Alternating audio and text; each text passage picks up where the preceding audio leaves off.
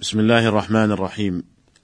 الحمد لله رب العالمين وصلى الله وسلم وبارك على عبده ورسوله وخليله نبينا محمد وعلى آله وصحبه ومن اهتدى بهديه واتبع سنته إلى يوم الدين. أيها الإخوة المستمعون السلام عليكم ورحمة الله وبركاته. وحياكم الله تعالى في هذه الحلقة الجديدة من هذا البرنامج والتي نستكمل فيها الكلام عن أحكام الحجر.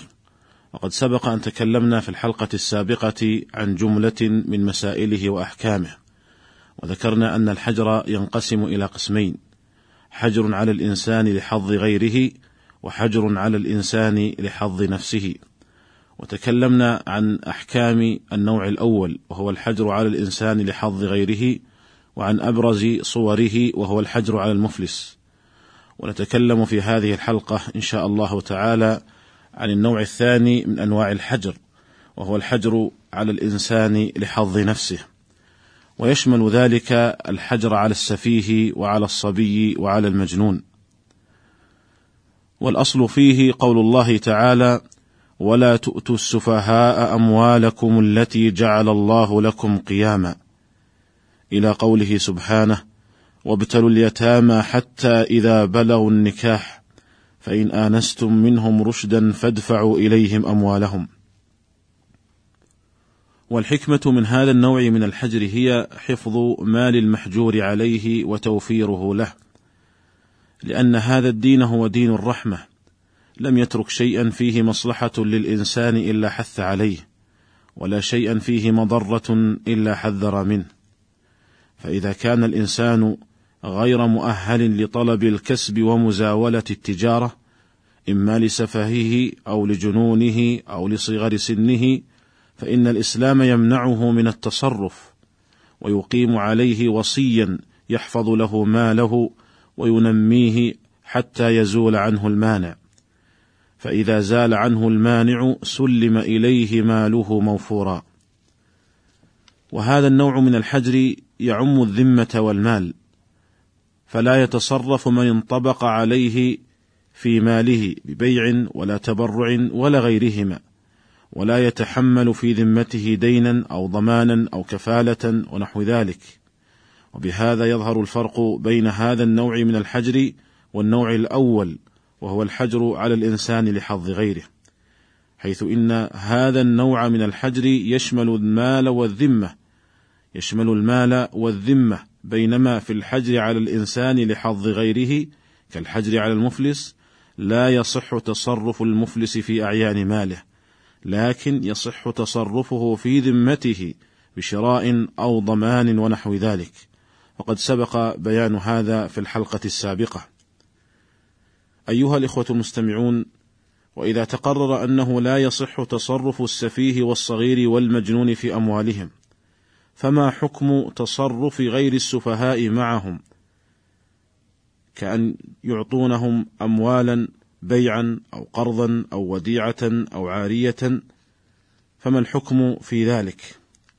نقول من تصرف مع السفيه أو الصغير أو المجنون فإنه يسترد ما أعطاهم إن وجده باقيا. فإن تلف ما في أيديهم أو أتلفوه فإنه يذهب هدرا. لا يلزمهم ضمانه لأنه قد فرط بتسليطهم عليه برضاه واختياره.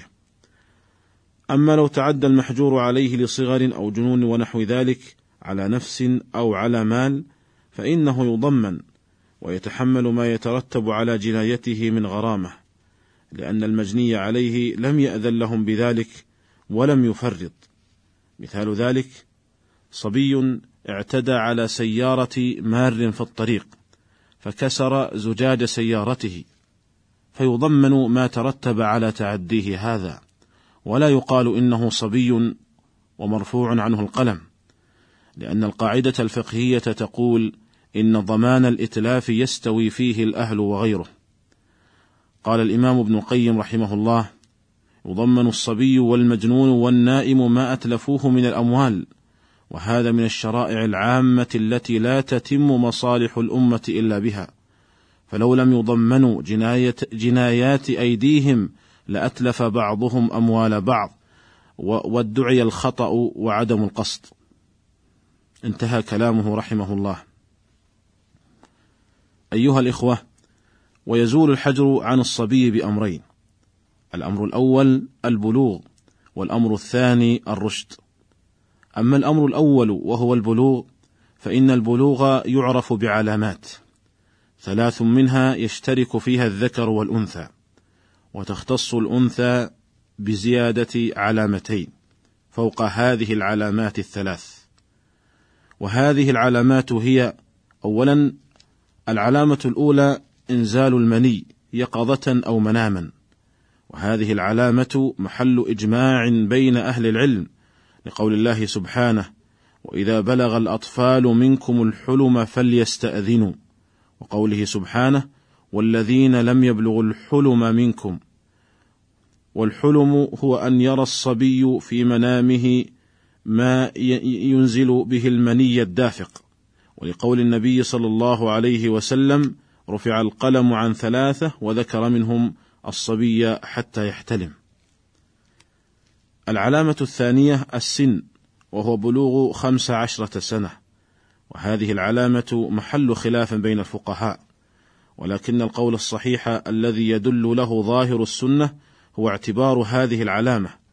يدل لذلك ما جاء في الصحيحين عن ابن عمر رضي الله عنهما قال عرضت على النبي صلى الله عليه وسلم يوم أحد وأنا ابن أربع عشرة سنة فلم يجزني. وعرضت عليه يوم الخندق وأنا ابن خمس عشرة سنة فأجازني. ومعنى فأجازني أي أمضاني للخروج للقتال وفي لفظ عند البيهقي بسند صحيح أنه لما رده في غزوة أحد قال ولم يرني بلغت قال وعرضت عليه يوم الخندق وأنا ابن خمس عشرة سنة فأجازني ورآني بلغت فقوله ورآني بلغت دليل على أن النبي صلى الله عليه وسلم إنما أجازه لأجل البلوغ وليس لأجل سبب آخر. فدل ذلك على أن بلوغ خمس عشرة سنة من الولادة يكون بلوغا. قال نافع فقدمت على عمر بن عبد العزيز وهو خليفة فحدثته بهذا الحديث فقال هذا هو حد البلوغ وكتب إلى عماله بذلك. وقد أورد إشكال على حديث ابن عمر هذا وهو أن غزوة أحد إنما وقعت في السنة الثالثة من الهجرة وغزوة الخندق إنما وقعت في السنة الخامسة من الهجرة. وابن عمر في هذا الحديث يقول عرضت يوم أحد وأنا ابن أربع عشرة سنة فلم يجزني وعرضت يوم الخندق وأنا ابن خمس عشرة سنة فأجازني وقد أجيب عن هذا من وجهين الوجه الأول أنه كان في أحد في أول السنة الرابعة عشرة وفي الخندق في آخرها. الوجه الثاني أن قوله وأنا ابن خمس عشرة سنة يعني أنه قد بلغها ولا يمنع من ذلك من أن يكون قد تجاوزها. كما تقول للرجل الذي له ست, ست عشرة سنة هذا له خمس عشرة سنة يعني فأكثر. وبناء على اعتبار هذه العلامة فقد يكون الإنسان أول النهار غير مكلف ويكون في آخر النهار مكلفا وذلك باستكمال خمس عشرة سنة منذ ولد العلامة الثالثة إنبات الشعر الخشن حول ذكر الرجل وفرج المرأة. وقيد الفقهاء الشعر هنا بكونه خشنا أي صلبا قويا احترازا من الشعر الخفيف فإنه قد يحصل لبعض الصغار فلا يعتبر. ويدل لاعتبار هذه العلامة ما جاء في الصحيحين عن أبي سعيد الخدري رضي الله عنه أن النبي صلى الله عليه وسلم لما حكم سعد بن معاذ رضي الله عنه في بني قريظة حكم بأن تقتل مقاتلتهم وتسبى ذراريهم فقال النبي صلى الله عليه وسلم لقد حكمت فيهم بحكم الله من فوق سبع سماوات ثم أمر بأن يكشف عن مؤتزرهم فمن أنبت فهو من المقاتلة ومن لم ينبت ألحقوه بالذرية. قال عطية القرظي عرضت على رسول الله صلى الله عليه وسلم يوم قريضه فشكوا في فأمر النبي صلى الله عليه وسلم أن ينظروا إلي هل انبت بعد؟ فنظروا إلي فلم يجدوني أنبت بعد فألحقوني بالذرية.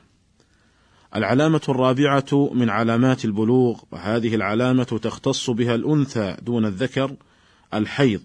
قال الموفق بن قدامة الحيض علم على البلوغ في حق الجارية لا نعلم فيه خلافا. وقد دل عليه قول النبي صلى الله عليه وسلم لا يقبل الله صلاة حائض إلا بخمار. واضاف بعضهم علامة خامسة وهي الحمل وبعضهم يجعل هذه العلامة تابعة للعلامة السابقة لأنه لا يمكن أن تحمل امرأة إلا وهي تحيض. أيها الإخوة المستمعون هذه العلامات هي التي يحصل بها البلوغ ولكن لا يكفي البلوغ لفك الحجر عن الصبي حتى يتحقق أمر آخر وهو الرشد. وسنتكلم إن شاء الله تعالى في بداية الحلقة القادمة عن حقيقة الرشد وعن جملة من مسائله وأحكامه فإلى ذلك الحين أستودعكم الله تعالى والسلام عليكم ورحمة الله وبركاته.